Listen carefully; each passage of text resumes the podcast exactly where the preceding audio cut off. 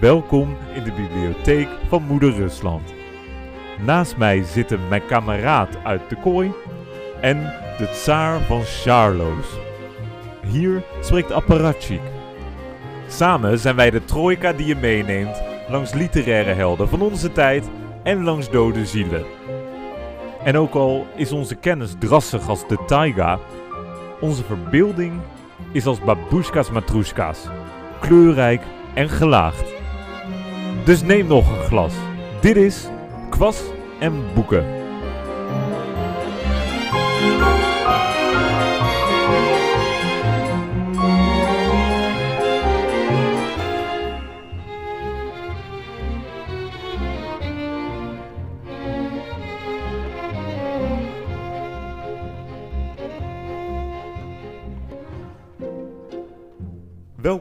Bij niets minder dan de allereerste aflevering van Kwas en Boeken. Het nieuwe luisterblokje, of zo je wil, podcast, waarin we je meenemen in de wereld van de Russische literatuur. Bij mij aan tafel zitten Jos, mijn grote kameraad uit de kooi, en, jawel, Frank, niemand minder dan de tsaar van Charloes. Mijn naam is Ashley. Heren, een spannend moment, want dit is de allereerste keer dat we dit eh, gaan doen. Uh, en daarom hebben we ook groots uitgepakt. Uh, we hebben de hele kamer aangekleed om onszelf eens flink onder te dompelen in Russische sferen. Jos, kun jij vertellen, hoe zitten we er nu bij? Zeker. Um, we hebben een schitterend tafelkleed vol met matroeska's. daarop, het, het, komt aan de ene kant nogal druk over, maar het, het geeft wel echt een goede sfeer. Uh, er, uh, er, liggen allerlei hapjes, allerlei Russische snoepjes, die op zich verrassend lekker toch iedere keer zijn. En um, we hebben wat volgens mij pastijtjes met kip, uh, augurken op eikenblad en ingelegde tomaten, die ook nog pittig schijnen te zijn. En Frank, wat drinken we vanavond? Traditionele Russische kwas. Dan zullen jullie denken, wat is kwas? Dat wist ik ook niet. Dus ik ging naar de Russische specialiteitenzaak en ik zei: Hebben jullie kwas? En die man zei: Uiteraard. Welke wil je hebben? Dus ik zei: Geef mij de lekkerste. En toen zei hij: Dan moet je deze hebben. Dus wij hebben officieel de lekkerste kwas. En, en uh, heb je al wat geproefd? Hoe smaakt het? Nou, het ruikt dus uh, naar roggebrood. Het smaakt best oké. Okay. En zodra, dat moet ik zeggen, dat ik heb zodra ik het gedronken heb, als ik ruik, ben ik de roggengeur kwijt. En uh, Ashley, je hebt speciaal hiervoor ook nog iets moois gekocht. Ja, tegenover mij uh, staat een, uh, een heuse samovar. Een samovar, dat is, een, ja, dat is eigenlijk Russisch voor zelfkoker. het is een gouden ketel uh, op een standaardje met een uh, kraantje eraan. De samovar die vul je met water. Daar middenin zit een stalen buis met kolen. En daarbovenop staat een keteltje met uh, Russische thee erin. Ja, en we hopen nu allemaal dat die Russische thee langzaam warm wordt. En dat wij zo meteen thee kunnen gaan drinken. Maar dat was nog een hels karwei, want de samovar lekt. En dat zie je nog steeds goed. Het druppelt lekker door. Ja, het druppelt zeker door. Maar het lek was zelden zo klein als nu. Mooi. Tijd om iets te eten? Ja, zeker. Maar waar gaan we mee beginnen? Ja, ik had daar net al zin in augurk. En ik moest wachten daarmee tot, uh, Jos, tot we waren begonnen. neem een augurk. Ja. Het smaakt naar augurk. En misschien is die iets minder zuur dan wat ik gewend ben. En ik eet regelmatig augurken. Ja, het smaakt een beetje wat meer bitter. En is dat een voor- of achteruitgang? Ja. Ik, allebei niet. Ja, gelijk. Ja. Oké. Okay. Ik ga er ook een proberen. Nou ja, laat ik het dan niet achterblijven. Ja, we kunnen ons tenminste zeggen dat het een augurk is. Toch? Dat is zeker. Het is een augurk. hey, en uh, augurken, planten, heeft misschien wel iets met het eerste boek te maken. Ja, daar maak je een heel mooi bruggetje inderdaad. Want het concept van het programma, van de podcast, is dat wij elke maand een schrijver centraal stellen uh, en daarbinnen een van zijn werken. En deze debuutaflevering is dat Arda Biola van Yevgeny Yevtushenko. Die staat deze maand centraal. En Jos, jij hebt dat boek uitgekozen. Ja, we hebben dit boek denk ik eigenlijk uitgekozen omdat ik het toevallig net al uit had. en, Ja. en het is net iets meer dan 100 bladzijden, dus dat valt mee. En het is gewoon niet zo lastig geschreven. Dit is eigenlijk geen enkel excuus om het niet te lezen. Nee, de symboliek ligt er dik bovenop. Ehm, niks lastigs mee. Dus daarom. Maar nou is het op zich het grappige. We hebben het wel uitgekozen, maar daarna hebben we het, al- het allemaal gelezen. Of merendeel van ons heeft het in ieder geval gelezen. En, en ehm, wat opgezocht over de schrijver. Maar die schrijver is vooral dichter eigenlijk. Nou, het viel mij dus op, want ik kende de schrijver niet. Dus ik was een beetje gaan eh googlen. En toen inderdaad bleek dat hij dus eigenlijk gewoon heel lang alleen maar dichter was. Hij schreef gedichten, gedichten, eh, heel lang gedichten. Toen dacht hij, laat ik eens iets anders doen. Dus toen ging hij een roman schrijven en toen, toen was de Russische beer los. En toen is hij van alles gaan doen. Toen is hij gaan acteren. Hij is films gaan maken, regisseren. Ook wel een ambivalent figuur. Want aan de ene kant, hij is dus een beetje doorgebroken post-Stalin. In die tijd dat het allemaal wat losser was. En eh, dat je weer wat meer kon zeggen. Dus aan de ene kant had hij best wel wat kritiek op het Sovjet-systeem. Maar tegelijkertijd verdedigde hij in het buitenland de idealen van de Sovjet-Unie wel. Dus het is altijd heel moeilijk te zeggen van aan welke kant hij nou eigenlijk stond. En, en het goede daarvan voor hemzelf was, wat ik begreep, dat hem dat uit de gulag gehouden heeft. Dus ja, daar valt wel wat voor te zeggen. Hij heeft, ik kwam ook een, een citaat van hem tegen. Eh, net zoals je een zieke moeder niet in de steek laat, moet je ook een zieke maatschappij niet in de steek laten. Dus ehm, inderdaad wel kritiek op die communistische samenleving, maar niet te erg kritiek. Wisten jullie dat hij zelf ook politiek actief is geworden? Volgens mij heeft hij in de opperste Sovjet gezeten. Zeker. Hij is aan het einde van de Sovjet-tijdperk is hij toegetreden tot, eh, tot het parlement eh, van Rusland. Ehm, en heeft daarbij zelfs op de barricades gestaan toen in 1991 eh, de Augustuscoup werd gepleegd door een stel reactionaire oude communisten die Gorbachev eruit wilden wippen. Maar ik denk dat Frank het net al heel goed zei, dat, dat Yevtushenko een heel erg ja, gespleten reputatie heeft. Dat het eigenlijk heel erg de vraag is, stond hij nou aan de goede kant eh, van de geschiedenis of was hij toch eigenlijk eh, ja, dienstverlenend aan het communistische systeem? Hebben wij daar een antwoord op? Nou ja, misschien nadat we zijn boek hebben besproken. Ja. Want laten we eens overgaan naar het boek. En dan komen we vanzelf ongetwijfeld weer terug bij de schrijver eh, naar afloop. Arda Biola is een boek eh, geschreven, of in ieder geval speelt zich af begin jaren 80. eh, net na de Olympische Spelen in Moskou. Dus nog voor de perestroika. En eigenlijk nog ja, op de, in de nadagen van, eh, van het ijzige communistische bewind. En het verhaal gaat over een jonge man die een medicijn heeft ontdekt voor een hele ernstige ziekte, namelijk voor kanker. Eh, daar heeft hij een bijzonder medicijn voor ontdekt. Eh, en de vraag is eigenlijk: werkt dat medicijn nou ook echt? Eh, of zijn er misschien andere zaken in het spel? Nee, inderdaad. En ehm, vervolgens is ook volgens mij wel een beetje de vraag: wat, wat moet je dan met die zijn wel of niet daadwerkelijk doen? Hij heeft het, het op zijn vader uitgeprobeerd, die daadwerkelijk kanker heeft. Nou, dat, ehm, die kanker die verdwijnt weer. Eh, maar op een gegeven moment krijgt hij bericht dat zijn vader toch is overleden. Hij gaat naar de begrafenis van zijn vader toe. Daar gebeurt het een en ander. Hij raakt zijn, geheugen kwijt. En vervolgens, nou, terug in Moskou, treft hem het ongeluk. Zijn vrouw verlaat hem, zijn vader sterft en hij wordt door een jongere bende in elkaar geslagen, waardoor hij zijn geheugen verliest. Het ongeluk treft hem. Nou, het is een hele rits ongeluk.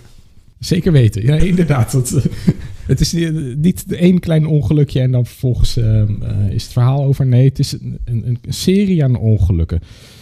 Nou, wat mij meteen opviel aan het boek is dat het meteen het begin van het boek. Eh, Jos, misschien dat jij eerst eh, de eerste regels eh, voor kan dragen. Het meisje voelde iemands blik op zich gericht. Het meisje had een pet op. Niet iets van een leren baret, maar een doodgewone mannenpet. En ze dacht dat die blik haar pet betrof, niet haarzelf. Die nu eens nieuwsgierige, dan weer afkeurende blikken begon haar langzamerhand behoorlijk te vervelen. Maar misschien bleef ze wel expres vanwege die blikken haar pet dragen. Soms gleed zo'n blik schijnbaar zonder gewicht langs je af. Deze blik echter had een bepaalde zwaarte die het meisje deed huiveren. Ja, dit zijn de eerste zinnen van het boek. En eigenlijk is dat meteen al, wat mij betreft, een hele mooie eh, samenvatting van waar het hele verhaal heen gaat. Want wat er heel erg uit opvalt, is dat ijdelheid inderdaad en ook eh, materiaal heel erg centraal komt te staan. Wat je in het communistische Rusland of in de Sovjet-Unie misschien niet zou verwachten. Dat materialisme zo'n grote rol speelt. Maar er zit meteen een hele sterke focus op haar pet. Die komt ook in het hele eerste hoofdstuk steeds terug, die pet. En ook haar gevoelens bij die pet. Maar jij zegt, ik vind dat interessant, wat je bij het eh, communistische Rusland misschien niet zou verwachten. Maar misschien juist in een maatschappij waarin luxe dingen zo schaars zijn, zou je het juist verwachten op het moment dat jij iets hebt wat iemand anders niet heeft. Maar volgens mij heeft Ashley wel gelijk dat in het hele boek ligt er constant nadruk op, op gewoon materialistische dingen. Hier die pet, later de, later de broek die gejat wordt, weer later een nieuwe auto die er is. Ja. Constant gaat het echt over, over eh, belangrijke materiële zaken, in ieder, in ieder geval belangrijk voor de bezitter daarvan. Ja, ook in dat eerste hoofdstuk wordt heel indringend eigenlijk eh, de kleding en eh, de producten die mensen bij zich hebben in de tram, die worden heel indringend beschreven. En wat ja, mij daar eigenlijk direct aan biologeerde is dat je wordt zo die tram ingezogen. Het is zo ingezoomd op hoe die mensen zijn en wat ze mee hebben, dat het eigenlijk meteen een heel benauwende sfeer creëert en, eh, en ook een beetje vervreemdend. Ja, ja, inderdaad, beklemmend. Maar het eerste hoofdstuk staat me ook nog wel vooral bij die, ehm, hoe die ogen worden beschreven van, de, van degene die Ja. naar het meisje kijkt. En dat het op een gegeven moment gaat over een soort van losse ogen die hangen in de auto. Ja, twee blauwe bollen op stokjes die in de auto zweven. Ja. Dat is eh, van de trucker die dan naast de, de tram rijdt. Precies, ja, die haar observeert. Ja. Ja. ja. en vervolgens blijkt er dan eh, ook iemand eh, achter de tram te rijden. Die heeft ook een hele sterke focus op het meisje met de pet. Uiteindelijk stopt die tram. Dan stopt die auto ook. En dan wordt het meisje de auto, nou ja, ingesleurd, inge, Ingepraat. in- ingepraat is misschien beter inderdaad. En dan komt het meisje met de pet, wie overigens helemaal anoniem blijft, eh, voor het eerst in aanraking met eh, de eigenlijke hoofdpersoon, Ardabiev. Inderdaad. Die in zijn auto zit, afgeladen met drank en, en voedsel, omdat hij zijn diploma heeft gehaald. ja. ja. En, en vervolgens blijkbaar een soort van zijn hele levensverhaal wil vertellen, maar aan de andere kant ook niet. Ja. En wat mij overigens al, misschien ook een beetje kritiek, of ik weet niet per se of het kritiek is of wat jullie daarvan vinden, maar wat mij een beetje teleurstelde is dat meisje heeft een hele grote rol in het eerste hoofdstuk. En vervolgens keert ze daarna nauwelijks terug. Maar misschien is het meisje. Kijk, ik, de manier waarop het verhaal begint. is een hele interessante manier om je als lezer het verhaal binnen te trekken, eigenlijk. Het zou best kunnen zijn dat dat haar enige rol is. Dat ze verder ook niet in het boek hoeft terug te komen of zo. Ik kan me best voorstellen dat je aan zo'n verhaal begint... dat hij echt dacht, oh, dat meisje is heel interessant. Hoe, he- hoe begin ik nou met een beetje een soort quasi-metafoor... Maar ik bedoel, dat je dat ineens bedacht hebt... en dat je daarna als schrijver zit... ja, god, ik zit met dat meisje nu. Wat moet ik er in Maar godsnaam dat, mee? dat kan ik me voorstellen, maar uiteindelijk doet ze voor 30 pagina's mee. Of voor 30% van het boek zit ze toch in. Dat, ja, ja, je verwacht een hele grote rol van het meisje. Ja. Over, dat- overigens, dus uiteindelijk komt ze, wordt ze bij het ziekenhuis afgeleverd omdat ze een abortus heeft gepleegd. En de vrouw van de hoofdpersoon heeft ook een abortus gepleegd. Ja, ja, dat klopt. Dat viel mij ook op. En in eerste instantie dacht ik direct... die vrouw van de hoofdpersoon is het meisje. En die hebben een hele rare relatie met de hoofdpersoon op een of andere manier. En die ziet hen dubbelzinnig of iets dergelijks.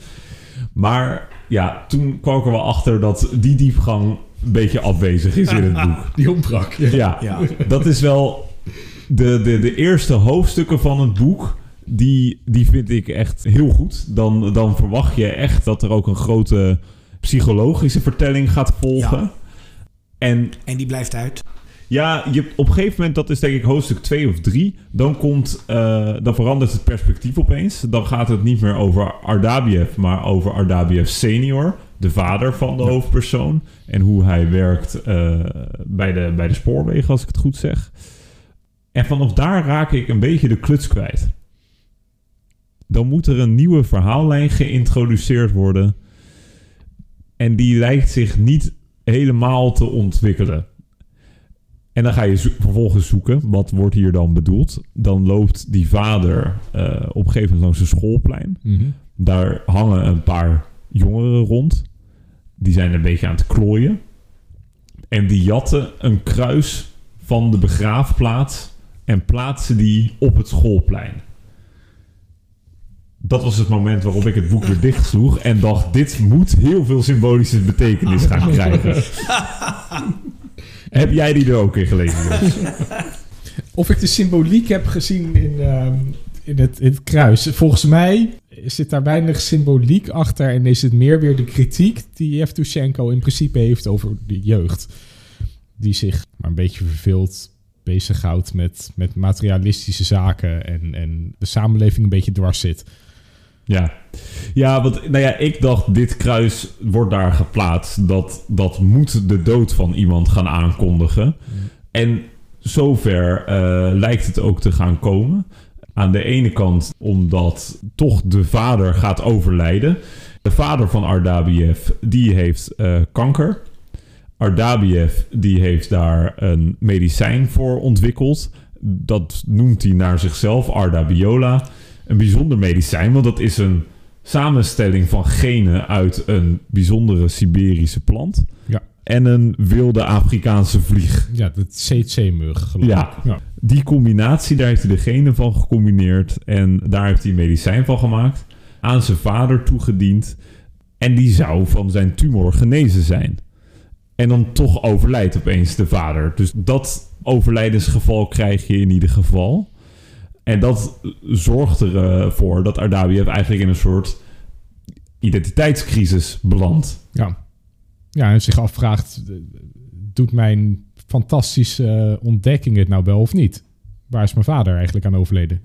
Het is wel op zich een vrij klassiek thema. Ik bedoel, deze man heeft, heeft de wereld in zijn handen. Hij heeft een medicijn tegen kanker ontwikkeld. Vrij, niemand heeft het ook. Dus eh, hij kan hiermee de wereld veroveren. En eigenlijk vanaf het moment dat de wereld aan zijn voeten ligt... gaat het alleen maar bergafwaarts. Nou, ik denk dat je daar eigenlijk best wel de crux van het boek eh, te pakken hebt. Want volgens mij is het aan de ene kant een aanklacht tegen inderdaad de materialistische neigingen bij de jeugd.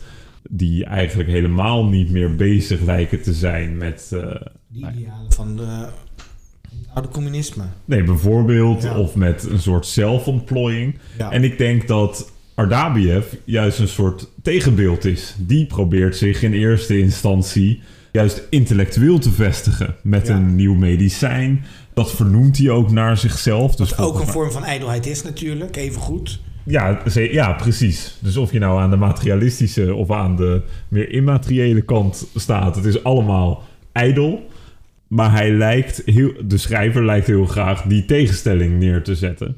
En dan is het natuurlijk des te triester als de hoofdpersoon vervolgens erachter komt dat zijn medicijn niet zou werken. Nou ja, dat is, ja maar dat, is- dat zeg maar. Dus hij weet het niet. Nee, nee hij weet het niet. Hij Ja. weet het niet of het werkt. Nee. Nee, en dat leidt dan... Hè, want het- daar waren we bij de begrafenis van die vader. Daar staat Ardabiev dan met zijn drie broers. Eén groot triest eh, schouwspel. Maar Ardabiev die neemt eigenlijk een heel eigenaardige houding aan. eh, want die is vooral op die begrafenis zoekende naar de vraag... waarom is zijn vader overleden? En komt er beetje bij beetje achter dat er iets anders aan de hand was dan kanker. Hè, want hij is, eh, volgens mij heeft die vader gewoon een avondje te veel gezopen. Zoals dat ging in Rusland. Precies. En dan sterf Daar in doe je niks geks ja, mee. nee. En die is, eh, die is overleden door zijn uitspattingen. Wat bij Ardabiev tot grote vreugde leidt. ja. Tijdens die begrafenis. Ja. Precies. Ja. Dus dan krijg je de, ja, de interessante tegenstelling dat zowel de materialistische jeugd als de intellectuele Ardabiev eigenlijk allebei vooral met zichzelf bezig zijn Ja. en zichzelf willen bevestigen Ja. op een heel ijdele, Nou, egocentrische is, ik wijze. bedoel, dat, het is heel egocentrisch. Als je blij bent dat je vader niet dood is gegaan aan kanker, maar aan dat hij zichzelf de pletter gezopen, wat dan ook heeft. Dat je eigenlijk zou denken van, heel, des te treuriger, weet je, was het maar de kanker, daar konden we dan niks aan doen. Maar hij is blij dat het iets is geweest waar hij wel wat aan kon doen, omdat het dan niet de schuld is van dat medicijn dat niet werkt. Hoe egoïstisch kun je het hebben eigenlijk? En het is des te tragischer, omdat het uiteindelijk nergens toe leidt. Hij komt, hij, eerst heeft hij dat medicijn, geweldig. Dan gaat die vader toch dood, kut, hij gaat toch dood. Werkt het nou wel? Yes, het werkt toch. Mijn vader heeft, zich gewoon, heeft zichzelf om het leven gebracht. Eigenlijk daar komt het op neer. Dus dan denk je, nu gaat het echt beginnen.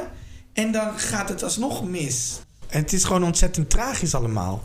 Wat ik echt tragisch vind, is wat er dan vlak daarna gebeurt. Er is nog volgens mij een, een, een heel diner na die begrafenis.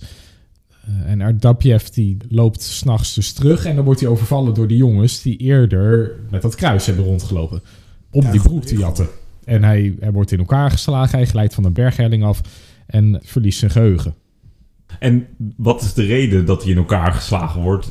Jeans. Misschien wel... Ook nog Amerikaanse nou, jeans. precies. Misschien wel het symbool van de grote vijand, Amerika. Ja. Ja. En hij verliest zijn geheugen. Hij weet niet meer dat hij in principe een medicijn tegen kanker heeft. En vervolgens wordt hij zelf hartstikke materialistisch. Over materialisme gesproken. De Samovar, Jos. Ik heb wel zin in een glaasje thee. Is de thee al klaar? Ja, ik denk dat die wel klaar is, ja. Hij, hij snoort lekker. Hij snort lekker. En Jos gaat nu van het bovenste potje de zeer sterke thee schenken. En de bedoeling is, schenk de zeer sterke thee die schenkt, hè Jos? Ja. De bedoeling is dat die dan wordt aangelengd met het kokende water. Aan de kook gebracht door de kolen.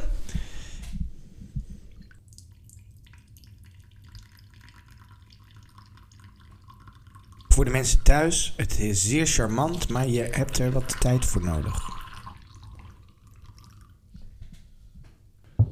Nou, ik kan me voorstellen dat als je vroeger eh, werd weggestuurd eh, naar de Gulag of naar Siberië, dat je dan maar al te graag een samovar mee had.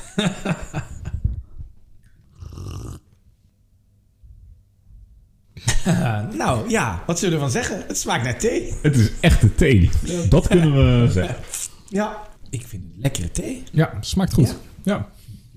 Ja, en de Russen die drinken dat dus doorgaans met een suikerklontje tussen hun tanden.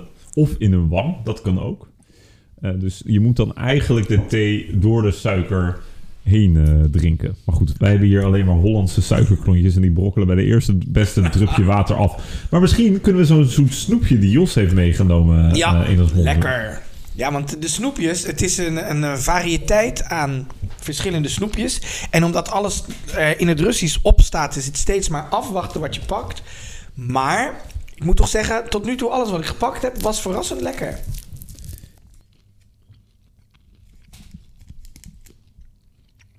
ja, Frank geniet hier van die snoepjes. Ja. Wat ik nog wel mooi vond, is dan een stukje een beetje aan het einde over zijn auto en een kras daarin.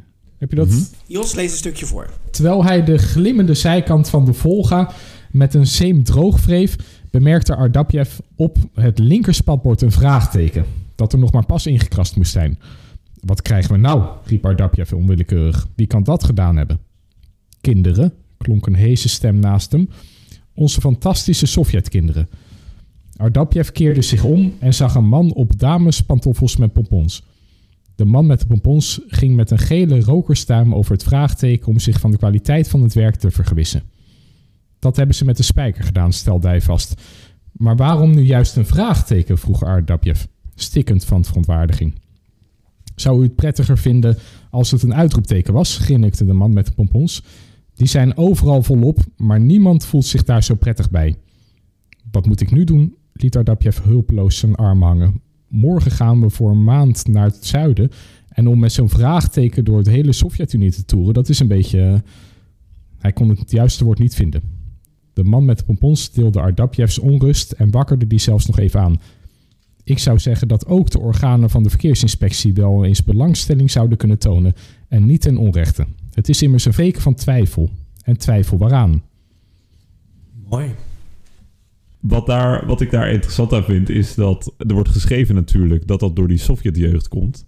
Maar later blijkt dat dat door die eh, buurman van Ardapiev is gebeurd. Gewoon een volwassen man die op die manier zijn geld probeert eh, te verdienen. Dat is wel, nou ja, zo zie je eigenlijk elke keer dat oplichterij, ijdelheid. eh, het is in mooie korte voorbeelden een grote maatschappijkritiek eigenlijk. Ja. Wat vond je van het, het einde van het verhaal? Hè? Die, de plant waar het om gaat, komt in opstand.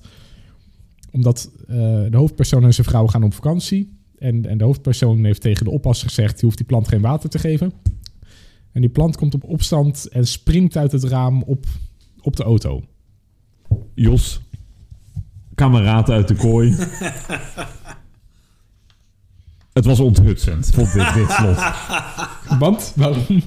Nou, opeens wordt in twee, drie pagina's dit werk afgeraffeld... Ja. met een plant die tot leven komt. Nou, ja, ook wat totaal niet in de sfeer van het... het, het, natuurlijk, je kunt zeggen, is het realistisch, is het niet realistisch... maar het is niet absurd of zo. Maar op het einde wordt het absurd.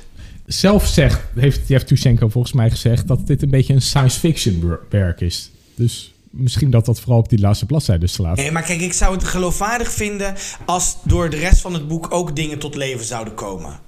Of dat er andere hè, dingen die in, de, in, de normale, in het normale leven niet zouden kunnen. Maar dat is heel de tijd niet aan, het, aan de gang. En dan op het, e- het- op het einde ineens komt die plant tot leven. nou en dat is, dat is dan grappig, want dat, dat begin van het boek... daar denk je dat wel af en toe. Dus inderdaad, die ogen van die chauffeur... die dan op eh, stokjes lijken te zweven... Omschrijvingen als dat de passagiers de tram in worden gezogen... of dat de tram hun opzuigt... dan krijg je dus dat hele beklemmende. Dat sprak mij heel erg aan. Maar dat verdwijnt helemaal. Het wordt allemaal heel realistisch. Heel erg, nou ja, bijna een soort krant die je aan het lezen bent. En dan opeens aan het eind komt de plant tot leven. Met heel veel symbolische waarde. En dan is Ardabiev, die de grote intellectueel was. Hij wilde graag het genie zijn. Wordt een materialist. Maar er klopt een plant op zijn raam. En hij wil weer intellectueel zijn. Ja. In één keer Ja. alles terug. Ik kwam er zelf ook niet helemaal over. Volgens mij, die laatste twee zinnen hadden sowieso niet gehoeven of zo. Hou, hou misschien een beetje in het midden wat er dan gebeurt. Maar de schrijver rondt het ook nog gewoon helemaal af. Je weet, Ja, Ja. en gaan wij dat dan nu voor de luisteraar ook doen? Of laten Ja, wij wel, die laatste dan- twee zinnen nee, maar weg? Laat, we maken er helemaal een eind aan voor de All luisteraar. Ja, Oké, nou, en hij herinnert zich alles. Hij, hij herkent die plant weer. Ja. ineens. ja. Wat vonden we ervan? Het, hele, Nou. het geheel? Kijk, weet je wat ik zelf vind, is dat je een verhaal niet per se moet beoordelen op zijn einde of op zijn plot of zo. Het verhaal op zich is al raar van die plant. Weet je, dus in die zin, ik- ik vind de, de symboliek van de, de symbo- symboliek waarin hij de maatschappijkritiek giet, vind ik ook heel interessant gekozen. Dus maar dan zeggen, ja, het einde was jammer. Nou ja, dan was het einde jammer. Vind ik het alsnog een prima boek, ja. ja. Wat ik er wel echt boeiend aan vond, was zeker die, die eerste hoofdstukken. En die sluimerende kritiek op het Sovjet-systeem. En waar dat voor mij eigenlijk nog het meest in naar voren kwam, was in de beschrijvingen van de personages. De communistische leer schrijft voor dat je schrijft over helden. Mensen die succesvol zijn, die eh, eigenlijk eh, het, het voorbeeld zouden moeten zijn. Nou ja, en in het boek van Yevtushenko komt iedereen er heel slecht vanaf. Ofwel, het is een ijdele trien in de tram met een pekje op, die alleen maar met zichzelf bezig is. Of het zijn allemaal mislukte halve zolen die haar vergezellen in die tram. Zoals een dikke, vette Oekraïner die erbij komt zitten. En een of andere zwerver met kapotte kleren. Of het is die jeugd die iemand in elkaar mapt voor een stel jeans. Of het is uh, Ardabiev zelf die, uh, die eigenlijk omkomt in zijn eigen ijdelheid. Of iedereen inderdaad, als je dat zegt. Hè. Er, komt, er komt een oudere vrouw ergens in, in naar voren die lege Ja. flessen verzamelt. En die is dan boos omdat Ardepiev haar, zich niet aan de belofte heeft gehouden dat hij met lege flessen terug zou komen. Het zijn allemaal anti-helden. Ja. En dat is eigenlijk in de Sovjet-tijd is dat heel bijzonder om het op die manier zo te schrijven. En dat, nou ja, dat sprak mij dan wel aan dat je ja, toch in tijden van censuur wel die subtiele kritiek naar voren brengt. Ik heb op zich wel van het boek redelijk genoten. Maar dat komt denk ik ook omdat het 100 pagina's was. Het had niet 200 of 300 pagina's moeten zijn. Inderdaad, die maatschappijkritiek. Maar ook wat ik, wat ik al wel zei. Dat je, ik in ieder geval toch af en toe hardop een beetje erop heb moeten lachen. Wat hier en daar geschreven werd. Bepaalde dingen die zo goed werden omschreven. Of die, die ja, grappige conversaties die erin terugkwamen. Prima boekje. Frank, Ja. stel jij hebt vijf vodka glaasjes. Ja. Hoeveel zou je ervan vullen om dit boek te beoordelen? Laten we zeggen 3,5. 3,5 glaasje. Jos? Ja, ik ben het daarmee eens. 3,5. Ja. Nou, wie ben ik om daar dan iets tegen in te brengen? 3,5 vodka glas voor Arda Biola van Yevtushenko. Gaan we nog eh, wat hapjes eh beoordelen, nu we hier toch zitten. Nou. Wat hapjes en drankjes beoordelen. Wat hebben we voor ons, Frank? Ja, dit, het, ja, we denken dat... Wat dacht jij dat er was? Een, eh, Aubergine. aubergine, Ik ben er ja. eh, behoorlijk van overtuigd dat het aubergine Ja. is. We gaan het gewoon proeven. We Ja. zien wel of het lekker is. Het is in ieder geval vet. Heel vet, ja. En Ik weet nog steeds niet wat het is wat erin zit. kazige Ja. vulling. Ja, ik moet toch zeggen dat ik het, dat ik het verrassend lekker vind wel, toch? Het is aubergine met dille, denk ik. Ja, dille erop. Die dille zit ook bij de augurken en ook bij de tomaten. De Russen houden van dillen. En ik denk dat er knoflook in de vulling zit.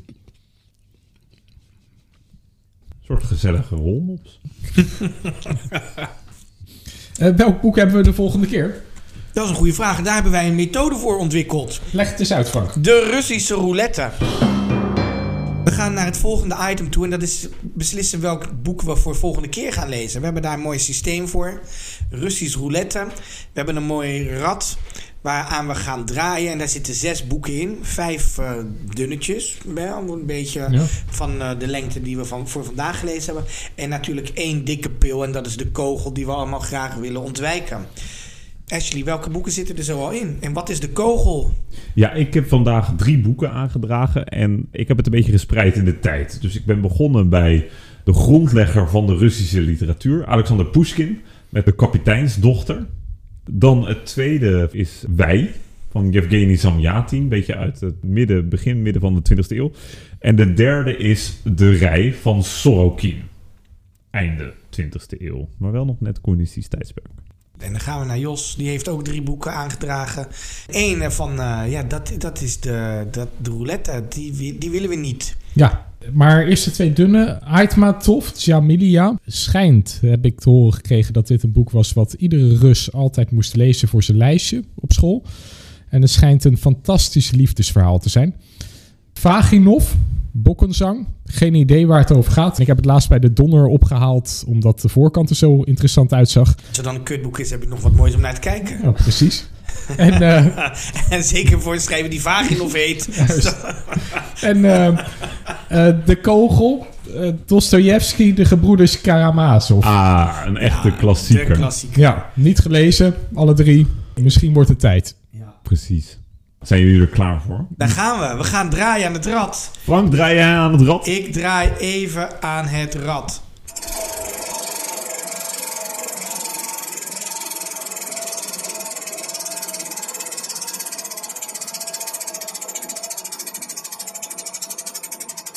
Wat komt eruit?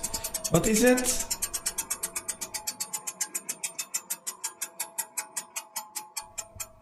Ja, dat is meteen de kogel.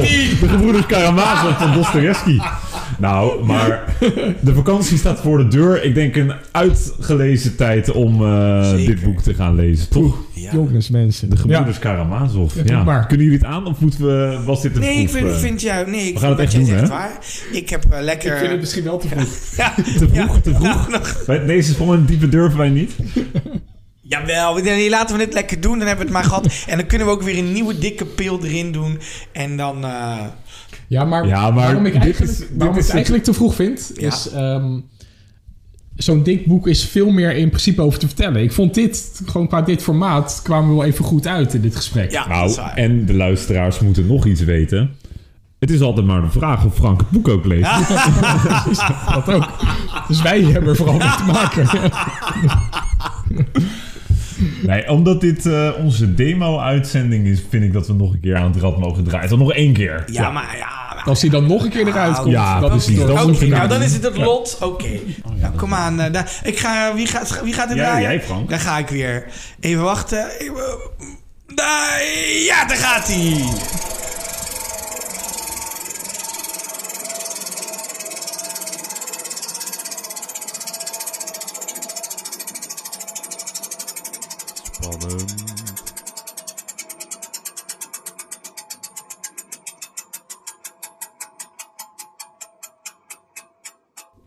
Jeetje, bokken Kom, nou, Jos, een voltreffer voor jou meteen. Nou, Bokkenzangen van Vaginov. Ik moet zeggen, ik heb nog nooit iets van Vaginov gelezen.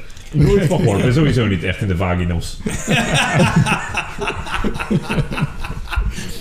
Ik denk dat de Donner er blij mee is. Want ik heb, het is de enige winkel waar ik dit boek heb zien liggen. En had je, hem, eh, had je hem dan bij de nieuwe afdeling of bij de tweedehands? Eh, bij de nieuwe afdeling. ja, dus wij kunnen hem ook gewoon, als ik van de week over de kostsingel loop, dan kan ik gewoon kan je hem gewoon eh, meteen aanschaffen. Precies. Ja. Nou, ik zoek hem nog even op wat we nu in godsnaam in huis hebben gehaald. Hiermee. Constantin Vaginov, Bokkenzang. Frank, hoe zou je deze eh, kaft omschrijven? Ja, het is een beetje Kandinskiaans. Is Nou, dat? Kandinsky? Nou, Dat het is ook Kandinsky. Ja. Ja. Kijk. Kijk, dat ik is ben, meteen Ik goed. ben niet zo dom als ik eruit zie. Nee, eh, kunst, daar hoef je weinig voor te lezen. Dan kun je gewoon naar kijken. Willen jullie nog wat horen over de Bokkenzang? Heel yes. graag. De roman Bokkenzang dateert uit 1928 en wordt wel het meesterwerk van de Russische Roaring Twenties genoemd. De stijl is burlesk, de sfeer is die van Neschio, de geschiedenis van een reeks dichtertjes en hun meisjes die gezamenlijk ten onder gaan aan de tijd, het huwelijk en de geschiedenis. Een citaat: Je hebt geen Petersburg meer, je hebt Leningrad. Maar met Leningrad hebben we niets te maken. Een schrijver is doodskistenmaker van beroep, geen wiegenliedjesdichter. Zo werkt de auteur thans aan de kist voor de 27 jaar die zijn leven telt. Hij steekt zijn neus in de lucht en ruikt een lijk. Dus komt er een kist. nou, Duister. Klinkt goed. Ja, Lang leven de roulette, de revolver. We, we hebben het er weer heel uit vanaf gebracht, zo te horen. Nou, Jos, schenk mij nog eens een eh, glas Russische Nou, thee. inderdaad. Zal ik eens een stukje pastei voor jullie, eh, of willen jullie gelijk een hele? Wil je er eentje? Nou, lekker.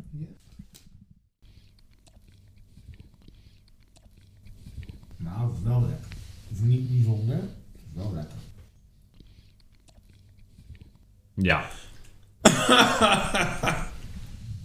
Als het volgende boek maar niet zo droog is als deze pasta. Mag ik trouwens nog iets zeggen over Arda Biola? Er was één zin, of eigenlijk twee, die enorm mijn aandacht trokken in hoofdstuk 3. Dan is Ardabiev somber. En die geeft aan eh, dat hij eh, sowieso nog niet klaar is om te sterven. Want er zijn nog zoveel dingen die hij niet gedaan heeft. En dan krijgt hij een reactie van zijn gesprekspartner. En die zegt het volgende. Denk je dat er in de hele geschiedenis ooit iemand is geweest die met alles klaar was? Iedereen die sterft heeft wel iets waarmee hij nog niet klaar is. Christus had het nog niet voor elkaar dat alle mensen broeders geworden waren. Hitler was er nog niet in geslaagd alle joden in de gaskamers te stoppen. Nou Die ja. zin trok enorm mijn aandacht. Toen dacht ik, waarom, waarom schrijft hij dat zo op? Vooral omdat Rusland natuurlijk best een antisemitisch Nou, imago bij tijd en wijle heeft. Zeker, nee. Nou, dat zou interessant kunnen zijn. Hij heeft dus kritiek gehad ook, meerdere malen, op de manier waarop in Rusland de geschiedenis vervalst werd ten aanzien van hoe de nazi's om zijn gegaan met de eh, Joden. Met name volgens mij, maar dat moet ik even vanaf zijn, in Oekraïne. En die, die, die slachtingen die ze natuurlijk gewoon aangericht hebben daar. En dat dus de, eh, de autoriteiten in Rusland steeds meer van dat verhaal vervreemd. Alsof het niet gebeurd is, alsof het niet helemaal zo gebeurd is. Natuurlijk was er ook ten tijde van uh, het Sovjet-regime nog veel antisemitisme. Dus het zou best kunnen. Ik wil niet zeggen dat hier nou een, echt een diepe boodschap achter zit, maar dat hij het toch nog wel een keertje genoemd wil hebben. Ja, want naar aanleiding daarvan, van deze zin, zijn we op onderzoek uitgegaan. Wat bedoelt hij daarmee? En toen kwamen we eigenlijk bij het bekendste werk van Yevtushenko, namelijk Babi Yar, de plek in Oekraïne waar zoveel Joden vermoord zijn door de nazi's tijdens de Tweede Wereldoorlog, als ik het goed heb. Ja, klopt. De beginregels van dat gedicht. Er staat geen monument bij Babi Yar. Er is alleen de steile afgrond als een ruwe gedenksteen.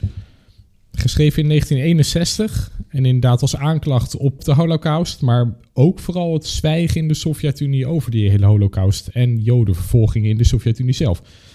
Zelf zei Yevtushenko trouwens dat hij bij de eerste voordracht van dat gedicht een staande ovatie van 10 minuten kreeg.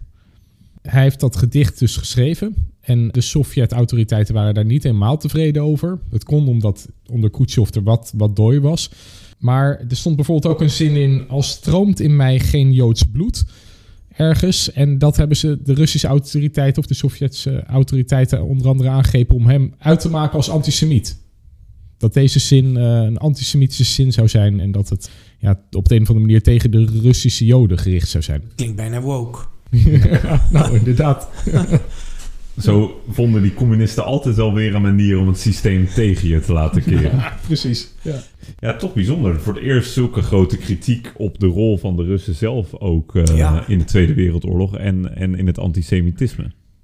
En dat maakt hem dus toch wel een intrigerend figuur. Want in deze periode heeft hij dus echt, zet hij een stap naar voren. Is hij de eerste die dat soort kritiek blootlegt. Sowieso heel gevoelig in het Sovjet-Unie van die tijd. Want iedereen moest vooral een nieuwe Sovjetmens zijn. Dus je was niet een Jood en je was niet een Oekraïner, je was een Sovjet. Dus überhaupt in volken denken was al heel controversieel. Uh, laat staan om kritiek te hebben op de rol van de Russen tijdens de Grote Oorlog. Dus dat is toch wel heel uh, bijzonder dat hij dat heeft gedaan. Klopt. Maar tegelijkertijd zeggen zijn critici... Ja, Yevtushenko, die sprak zich altijd alleen maar uit als hij een beetje ruimte kreeg van de machthebbers. Hij bleef dus... altijd mooi binnen de lijntjes. Uh, ja. net mogelijk was. Ja. Nou ja, toch interessant figuur of hij nou aan de goede of aan de slechte kant dan stond. Nou ja, kijk, het is natuurlijk wel zo dat als je kritiek wil blijven uiten, je beter binnen de lijntjes kunt blijven. Want anders heb je één keer goede kritiek, maar dan is het gelijk het einde van je oeuvre. Ja, of misschien mag je het cabaret in de gulag gaan verzorgen. Maar ja, het zal ook niet bekend hebben gestaan om zijn maatschappij kritisch in ieder geval zoeken. Maar hoe kunnen we nou, we zitten toch op dit pad. Hoe, hoe, laten we eens een poging wagen. Hoe zouden wij deze man nou duiden? Je kan toch wel zien dat hij op een aantal moeilijke momenten bijzondere stappen heeft gezet. Ja. Dus bijvoorbeeld met het gedicht Babiar. Maar ook tijdens de Augustuscoup. Toen Precies. in drie dagen in eind augustus het er echt op leek dat ja, de progressieve wind te neergeslagen zou worden. Gorbachev werd ontvoerd. Die werd vastgehouden ergens in een dacha in uh, Oekraïne, als ik het goed heb. Yeltsin werd uh, bedreigd. En allemaal reactionaire generaals, militairen... die kwamen naar het Kremlin om een coup te plegen... en terug te gaan naar de tijden van Brezhnev, van, uh, van Stalin desnoods. En Yevtushenko is daadwerkelijk naar het Kremlin gegaan... is bij Yeltsin op de barricades gaan staan... heeft gedichten voorgedragen op het moment dat nog niemand wist hoe de geschiedenis zou aflopen. Uh, op het moment dat tienduizenden gewone Russen zich verenigden om zichzelf en het Kremlin te verdedigen tegen de koeplegers. En daar stond hij bij. Dus het is denk ik te makkelijk om te zeggen... Yevtushenko koos altijd het makkelijke pad. Dat is denk ik echt een moment dus dat, dat aantoont... Ja. dat hij ook op moeilijke momenten uh, toch wel een progressieve geest bleek. Binnen het corrupte systeem natuurlijk. Ja. Precies. nou, mannen, we hebben het toch maar gewoon geflikt. De eerste aflevering is een feit. Uh, Yevgeny Yevtushenko was de gelukkige met zijn boekje Arda Biola.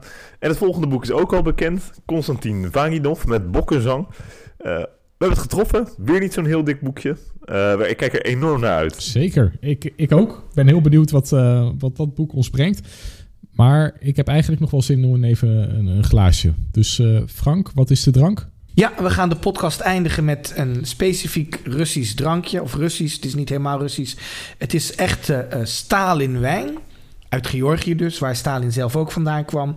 Het is uit 2019. Ik heb geen idee of het een goed jaar was. Nou ja, we gaan het proeven. Ik ga voor jullie inschenken. We gaan eens proeven hoe Stalin smaakt. Jij lust van, van een borrel, uh, zo te zien, Frank. Flink volgeschonken. En zeker die van Frank zelf, die ook het grootste glas heeft genomen. Ik uh, zeg proost.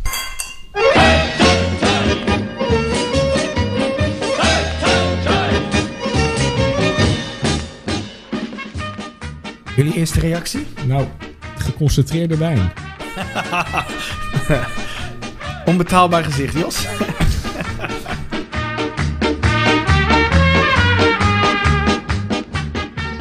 Jos kijkt erbij alsof hij net naar de gulag is uh, gelezen. ik vind het wel lekker. Ja, ik vind hem ook wel lekker. Nou, mooi. Geniet ervan. Op jullie gezondheden.